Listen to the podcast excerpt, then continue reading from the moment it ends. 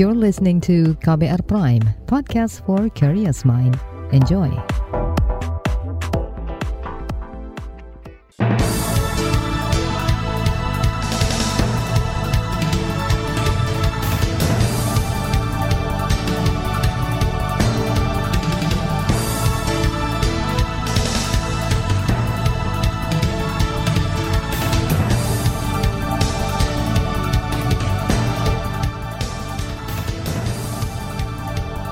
Selamat pagi saudara, senang sekali bisa menjumpai Anda kembali melalui program Buletin Pagi edisi Senin 20 Juni 2022. Saya Malika, sejumlah informasi pilihan telah kami siapkan di antaranya. Kasus harian COVID-19 terus bertambah, capaian vaksinasi booster masih rendah. Komisi Yudisial dan Badan Pengawas MA didesak periksa putusan bebas Samintan. Warga korban abrasi di Minahasa Selatan akan direlokasi. Inilah Buletin Pagi selengkapnya. Terbaru di Buletin Pagi. Saudara jumlah kasus harian COVID-19 di Indonesia bertambah lebih dari seribu kasus dalam lima hari terakhir. Lonjakan jumlah kasus ini disebut akibat varian baru virus corona BA4 dan BA5. Pemerintah dan Satgas Penanganan COVID-19 terus mengimbau masyarakat melakukan vaksinasi dosis ketiga atau booster untuk menahan jumlah kenaikan kasus. Hingga kemarin capaian vaksinasi booster baru sebanyak 49 juta orang atau setara 23 persen dari target. Presiden Joko Widodo menjamin persediaan booster masih banyak. Dia juga kembali mengingatkan pentingnya masyarakat melaksanakan vaksinasi booster untuk meningkatkan kekebalan. Dulu kan saya sudah ngomong nggak sekali, dua kali, tiga kali, waspada, waspada, waspada. Baik oleh yang uh, Omikron maupun yang BA4, BA5. Ya kita berharap tidak ada kenaikan. Tapi saya kira antisipasi kita sudah saya sampaikan juga sebulan dua bulan yang lalu booster semuanya booster. Vaksinnya ada. Masih ada puluhan juta. Itu segera. Minta semuanya. Sekarang ini kita ingin melakukan booster mencari pesertanya aja kesulitan. Presiden Jokowi menambahkan meski kasus rasio positif COVID-19 masih di bawah standar Organisasi Kesehatan Dunia WHO, tapi peningkatan jumlah kasus harus terus diwaspadai. Sebelumnya, Menteri Kesehatan Budi Gunadi Sadikin memperkirakan puncak kasus subvarian Omikron BA4 dan BA5 akan terjadi pada akhir Juli dengan jumlah kasus harian antara 20 hingga 25 ribu kasus. Kementerian Kesehatan mengajak kementerian dan lembaga terkait untuk kembali menggencarkan vaksinasi COVID-19, khususnya dosis ketiga atau booster.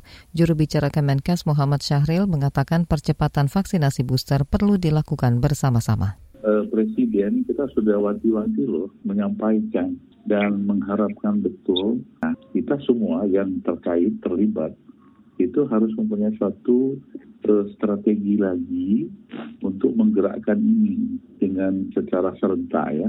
Karena tanggung jawab vaksinasi ini bukan hanya di Kementerian Kesehatan, bukan hanya di tangan pemerintah dalam negeri, tapi semua. Jadi ada kewajiban termasuk media ya, KBR ini melakukan komunikasi publik.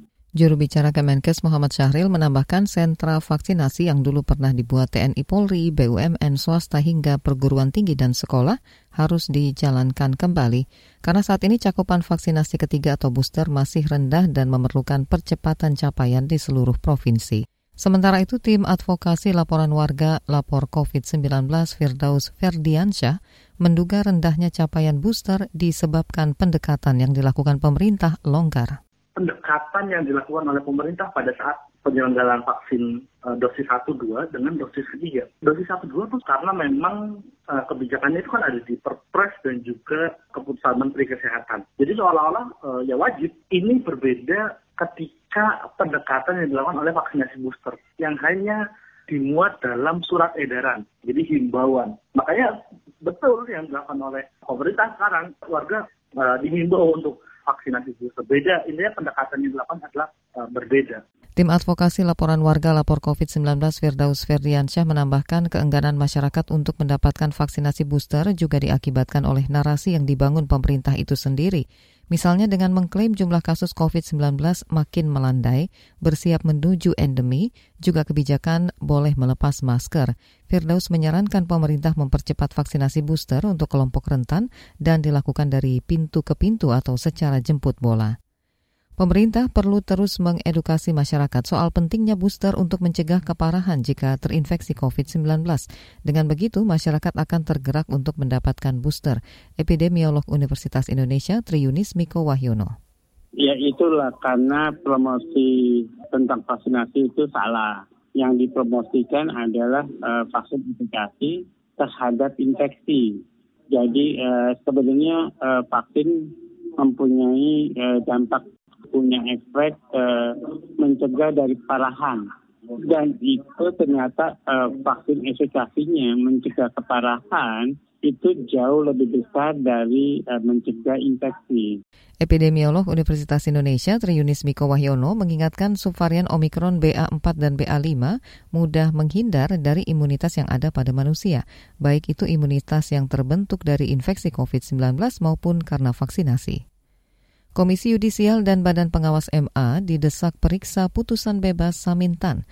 Informasinya hadir sesaat lagi, tetaplah di Buletin Pagi KBR. You're listening to KBR Pride, podcast for curious mind. Enjoy!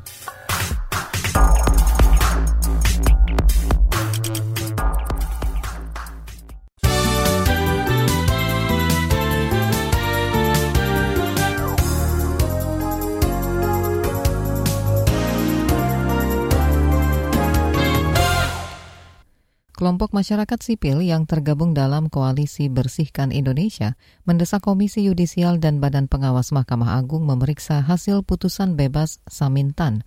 Ketua Umum YLBHI sekaligus perwakilan koalisi Muhammad Isnur mengatakan vonis bebas Samintan menyesatkan. Koalisi juga menyoroti pertimbangan majelis hakim yang membebaskan Samintan dengan alasan tidak memenuhi kriteria sebagai pemberi gratifikasi kepada terdakwa lain. Nah itu perlu diselidiki gitu baik oleh Komisi Yudisial maupun oleh saya nggak tahu KPK atau yang lain ya. Karena saya juga curiga ini KPK apakah seserius itu mendakbal ya? Setelah perkara setelah apa namanya setelah lemahnya KPK ya uh, setelah apa apa namanya uh, pergantian undang-undang perundang-undang dan penyingkiran orang-orang yang di dalamnya jadi kan sangat juris sangat miris ya. Model-model yang menangkap Samintan ini kan ada Yudi gitu ya Yudi Harahap dan orang yang menangkap ya disingkirkan gitu malah orang yang ditangkap dibebaskan gitu. Ketua Umum YLBHI sekaligus perwakilan koalisi Muhammad Isnur. Sebelumnya bos PT Borneo Lumbung Energi dan Metal Samintan didakwa memberi gratifikasi 5 miliar rupiah untuk anggota Komisi 8 DPR, maksud kami Komisi 7 DPR periode 2014-2019, Eni Maulani Saragi. Namun putusan MA berpandangan dakwaan pemberian suap itu tidak terbukti karena undang-undang hanya mengatur pidana bagi penerima gratifikasi. Mayoritas masyarakat setuju dengan peraturan Mendikbudristek tentang pencegahan dan penanganan kekerasan seksual PPKS di lingkungan perguruan tinggi. Direktur Eksekutif Indikator Politik Indonesia Burhanuddin Muhtadi mengungkapkan, secara umum masyarakat menilai Permendikbudristek tentang PPKS sangat bermanfaat, bahkan skor hasil surveinya mencapai 84 persen. Mereka yang setuju berasal dari beragam strata pendidikan, ekonomi, agama, dan kewilayahan. Kan dukungan lebih tinggi di kalangan mereka yang tahu dari awal permen PPKS ini. Yang warna biru itu, yang warna biru itu yang menganggap itu responden buat mereka yang dari awal tahu permen PPKS yang menganggap permen ini sangat bermanfaat itu 55,6 persen, cukup bermanfaat 39,6 persen. Jadi kalau kita tanya seluruh warga, bukan hanya penghuni dunia Twitter, overall masyarakat setuju dengan permen PPKS. Direktur Eksekutif Indikator Politik Indonesia Burhanuddin Muhtadi. Sebelumnya, Kemendikbudristek menyebut peraturan menteri tentang PPKS merupakan upaya pencegahan kekerasan seksual sekaligus penguatan sistem penanganan kekerasan seksual yang berpihak pada korban. Kita ke berita ekonomi. Pembangunan ibu kota negara IKN Nusantara di Kalimantan Timur akan menjadi stimulus pemerataan pertumbuhan ekonomi nasional. Menurut Menko Perekonomian Erlangga Hartarto, hal itu sesuai dengan amanat dalam Rencana Pembangunan Jangka Menengah Nasional 2020-2024. Nah, oleh karena itu itu juga yang menjadi uh, pikiran pemerintah agar pusat pemerintah dipisahkan dari pusat ekonomi dan dengan demikian terjadi pemerataan kalau sekarang seluruhnya dibebankan kepada Jakarta. Nah, oleh karena itu eh, pemerintah eh, mendorong agar program ini akan berkesinambungan. Menko Perekonomian Erlangga Hartarto menambahkan pembangunan IKN yang terintegrasi akan dikembangkan dalam enam klaster ekonomi strategis, meliputi klaster industri teknologi bersih, farmasi terintegrasi, industri pertanian berkelanjutan, ekowisata, kimia dan produk turunan kimia, serta energi rendah karbon. Ada juga dua klaster pendukung yaitu pendidikan abad ke-21 dan smart city, serta pusat industri 4.0. Menteri Pariwisata dan Ekonomi Kreatif Sandiaga Uno menargetkan 700 ribu lapangan pekerjaan sektor ekonomi kreatif dapat tercapai tahun ini. Hal tersebut disampaikan Sandiaga saat melakukan kunjungan pada acara Kabupaten dan Kota Kreatif di Cirebon, Jawa Barat kemarin.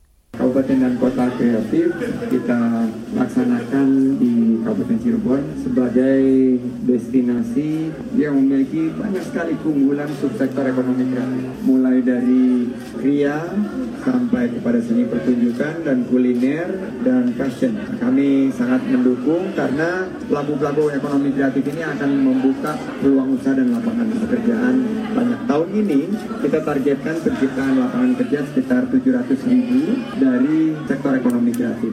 Menparekraf Sandiaga Uno berbagi tips untuk para pelaku UMKM agar usahanya berkembang, yakni mengenali target pasar, membentuk tim manajemen yang solid, dan menguatkan keuangan. Saudara kita beralih ke berita mancanegara, perang di Ukraina diperkirakan bisa berlangsung bertahun-tahun. Kepala Aliansi Militer Fakta Pertahanan Atlantik Utara NATO Jens Stoltenberg kemarin mengatakan pasokan persenjataan bagi Ukraina akan memperkuat peluang pasukan negara itu untuk membebaskan Donbas di Ukraina Timur dari kendali Rusia. Stoltenberg juga mengingatkan biaya perang Ukraina sangat mahal, bukan saja terkait sokongan militer, tapi juga dampaknya terhadap perekonomian, khususnya sektor energi dan pangan. Kita ke berita olahraga, pasca tewasnya dua bobotoh Persib, panitia pelaksana Piala Presiden mengajukan dua opsi teknis pertandingan. Ketua OSI Piala Presiden Ahmad Hadian Lukita menyampaikan Opsi pertama memindahkan pertandingan grup C ke Stadion Sijalak Harupat di Kabupaten Bandung. Opsi kedua tetap memainkan laga di Stadion Gelora Bandung Lautan Api tanpa dihadiri penonton. Saat ini grup C tinggal menyisakan dua pertandingan. Ahmad Hadian menyatakan dua opsi itu bisa dilaksanakan dan harus sesuai rekomendasi kepolisian. Sementara itu, Ketua Komisi Disiplin PSSI, Erwin Tobing, menegaskan jika ditemukan pelanggaran dalam penyelenggaraan pertandingan Persebaya melawan Persib, panitia lokal akan dijatuhi sanksi berat. Saudara dua bobotoh Persib tewas akibat insiden berdesakan masuk ke Stadion Gelora Bandung Lautan Api pada Jumat lalu. Di bagian berikutnya kami hadirkan laporan khas KBR tentang menjaga generasi muda suku Duano dengan imunisasi. Tetaplah di Buletin Pagi KBR. You're listening to KBR Pride, podcast for curious mind. Enjoy!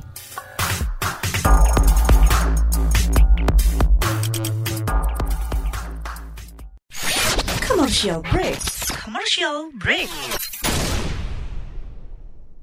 Walah, ada OTT lagi nih. Bro, Udah nunggu dari tadi ya? Sorry, sorry, macet. Bentar, bentar. Ini ada apa nih di Surabaya? Ini penting nih. Hoax apa bukan ya info ini? Mantengin timeline apa sih? Seru amat. Jadi lari sore nggak nih? Nih, kamu perlu tahu juga. Supaya update berita, pantau timeline at berita KBR bro. Akun Twitternya KBR. Beragam beritanya dan yang terpenting media ini terverifikasi Dewan Pers. Dijamin bebas hoax. Oh, oke. Okay. Terus rencana olahraga sore jadinya hoax nggak nih? Oh ya jadi dong, masa hoax sih? Ini demi menjaga kesehatan jiwa dan raga bro. Bentar, nah ini versi podcastnya bro. KBR Prime sambil lari bisa dengar berita-berita dari KBR. Hmm, bentar deh. Kok kayaknya tukang bakso di seberang sana itu ngeliatin gua mulu ya? Apa perasaan gua aja yang tiba-tiba lapar? Gimana kalau kita... Alah bro, bro. KBR, inspiratif, terpercaya.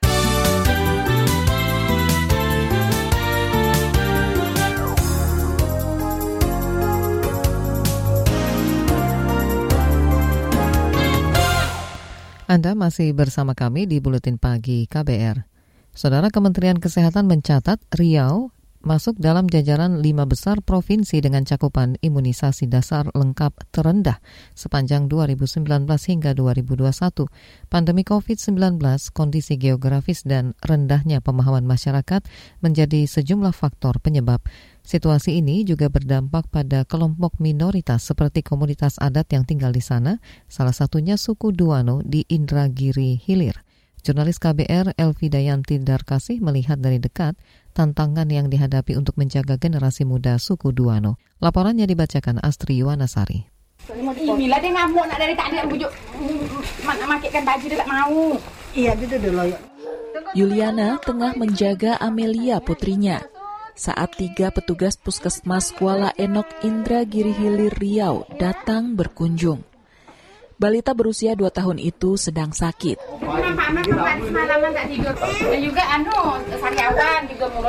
Amelia mestinya disuntik vaksin DPT untuk mencegah penyakit difteri, pertusis, dan tetanus. Vaksin ini masuk kategori imunisasi dasar dan wajib bagi balita.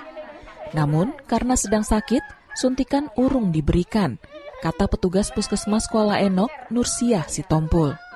Iya, nanti iya. dikunjungi lagi oleh petugas kita nanti. Hmm. Ya kalau nggak demam ya. Iya, iya. Nursia dan dua rekannya dari Puskesmas Pembantu Tanjung Pasir, Ratna Sartika dan Erin, melanjutkan perjalanan ke tujuan berikutnya. Ada dua rumah lagi di Desa Tanjung Pasir yang harus mereka datangi untuk imunisasi DPT dan polio yakni Mirna dan Sumarni yang sama-sama memiliki bayi berumur 4 bulan. Dua bayi dalam kondisi sehat sehingga vaksin bisa disuntikan.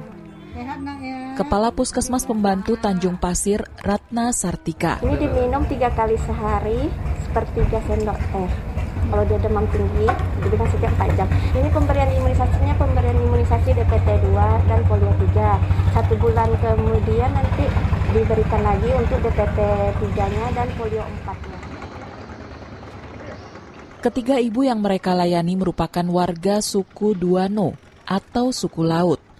Suku Duano adalah suku asli yang jumlahnya mencapai seribu orang atau separuh populasi warga desa Tanjung Sari. Sebagian besar bekerja sebagai buruh nelayan dengan pendidikan rata-rata sampai jenjang SMP. Layanan kesehatan dasar di Tanjung Sari belum memadai, termasuk untuk imunisasi. Puskesmas pembantu di sana tak punya lemari pendingin. Listrik pun hanya menyala pada malam hari. Karenanya, seluruh vaksin disimpan di Puskesmas Kuala Enok yang berada di wilayah berbeda yang dipisahkan sungai.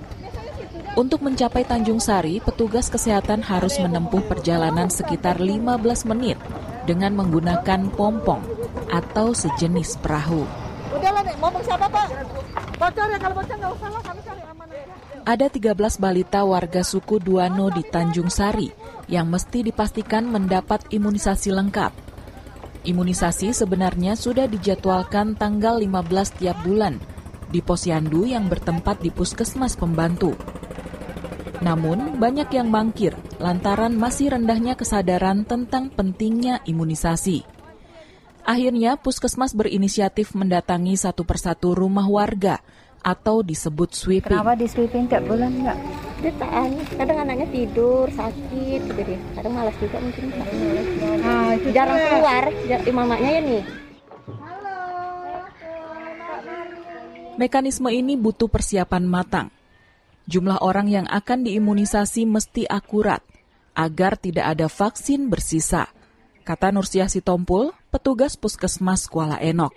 Vaksin yang sudah kita bawa sesuai dengan kebutuhan yang ada di lapangan. Jadi kalau vaksin sudah dibuka dari lapangan tidak boleh lagi dimasukkan ke dalam kulkas vaksin yang telah disiapkan. Tetapi apabila imunisasi bayi pasca kelahiran juga sering dilakukan door to door. Ini lantaran ibu hamil di Tanjung Sari mayoritas melahirkan di rumah ketimbang ke puskesmas. Terlebih, pilihannya cuma di puskesmas Kuala Enok yang harus menyeberang sungai. Dengan keadaan pasang surut air ini, kadang masyarakatnya yang kendalanya mau pergi, air udah air, air susah dibawa, tapi tetap dipanggil uh, tenaga kesehatan kita untuk memotong tali pusatnya, kemudian perawatan bayi dan paling penting itu imunisasi KB0 dengan pemberian vitamin K. Puskesmas pembantu di Tanjung Sari tak layak digunakan untuk tindakan medis. Posisi bangunannya sudah miring dan atapnya bocor. Kondisi ini terjadi sejak 2007. Kalau air pasang banjir kami Bu, terendam semua barang di dalam tuh. Sekarang tidak bisa diprediksi lagi Bu. Biasanya pasang itu bisa tiga hari, sekarang bisa sampai seminggu. Iya. Menurut Ratna, sudah ada pengajuan anggaran perbaikan ke desa, tetapi sampai detik ini belum bersambut. Demikian saga jurnalis KBR Elvi Dayanti Darkasih. Saya Astri Yuwanasari. Saudara, informasi dari berbagai daerah akan hadir usai jeda. Tetaplah bersama Buletin Pagi KBR. You're listening to KBR Pride, podcast for curious mind. Enjoy!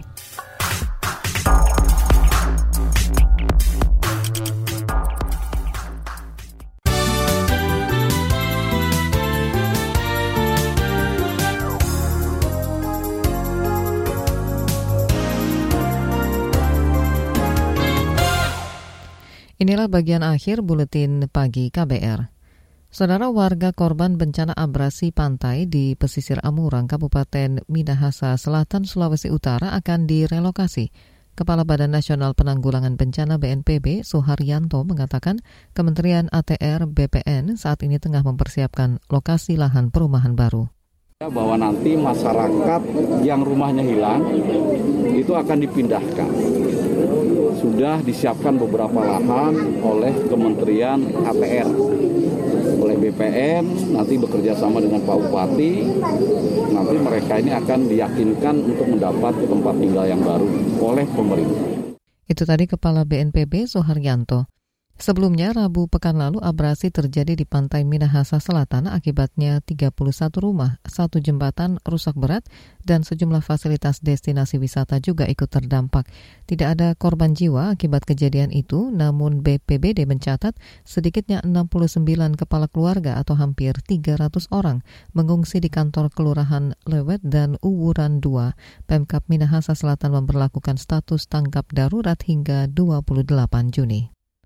Polda Papua mengirim tim investigasi ke Kabupaten Jayapura pasca pembunuhan dan perampasan dua pucuk senjata milik anggota BRIMOB.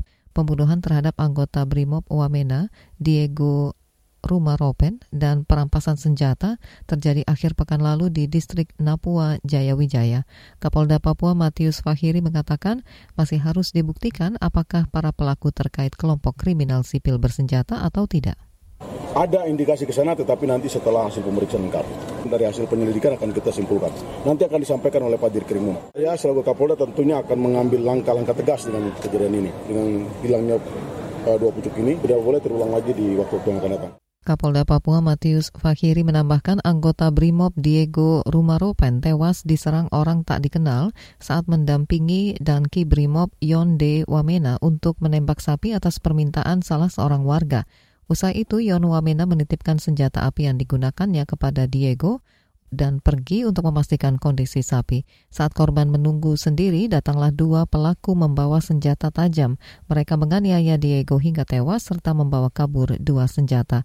Enam orang sudah diperiksa tim investigasi. Pemerintah Kota Surabaya, Jawa Timur mulai hari ini memperlakukan sanksi bagi pelanggar aturan merokok di tempat umum. Wali Kota Surabaya Eri Cahyadi menjelaskan sanksi yang diberikan pada tahap awal masih berupa teguran, tapi tidak tertutup kemungkinan diberlakukan juga sanksi kerja sosial. Bila perokok masih melanggar aturan, maka sanksi denda Rp250.000 dapat dikenakan.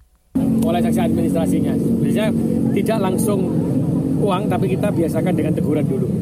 Karena ini kan perda baru jadi, langsung kan nggak mungkin digitukan. Jadi kita memang sifatnya adalah mendidik ya kalau dididik kaiso baru disanksi. Sanksi sosial gitu Pak? Insya Allah mungkin ada. Insya Allah mungkin ada. Tapi kita masih diskusikan dengan eh, teman-teman uh, semuanya baik dari perguruan tinggi maupun dari jaksa pengacara negara. Jangan sampai nanti ini menjadikan sesuatu langkah yang salah. Tapi benar sifatnya mendidik begitu.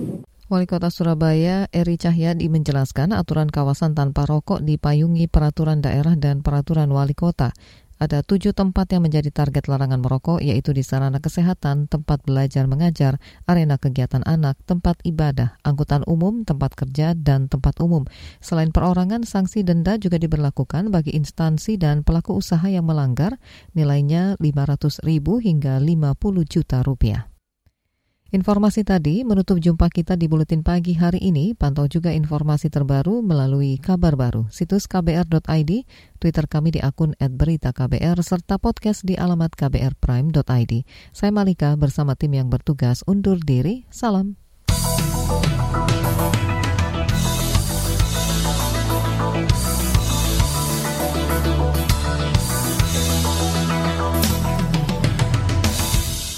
KBR Prime, cara asik mendengar berita.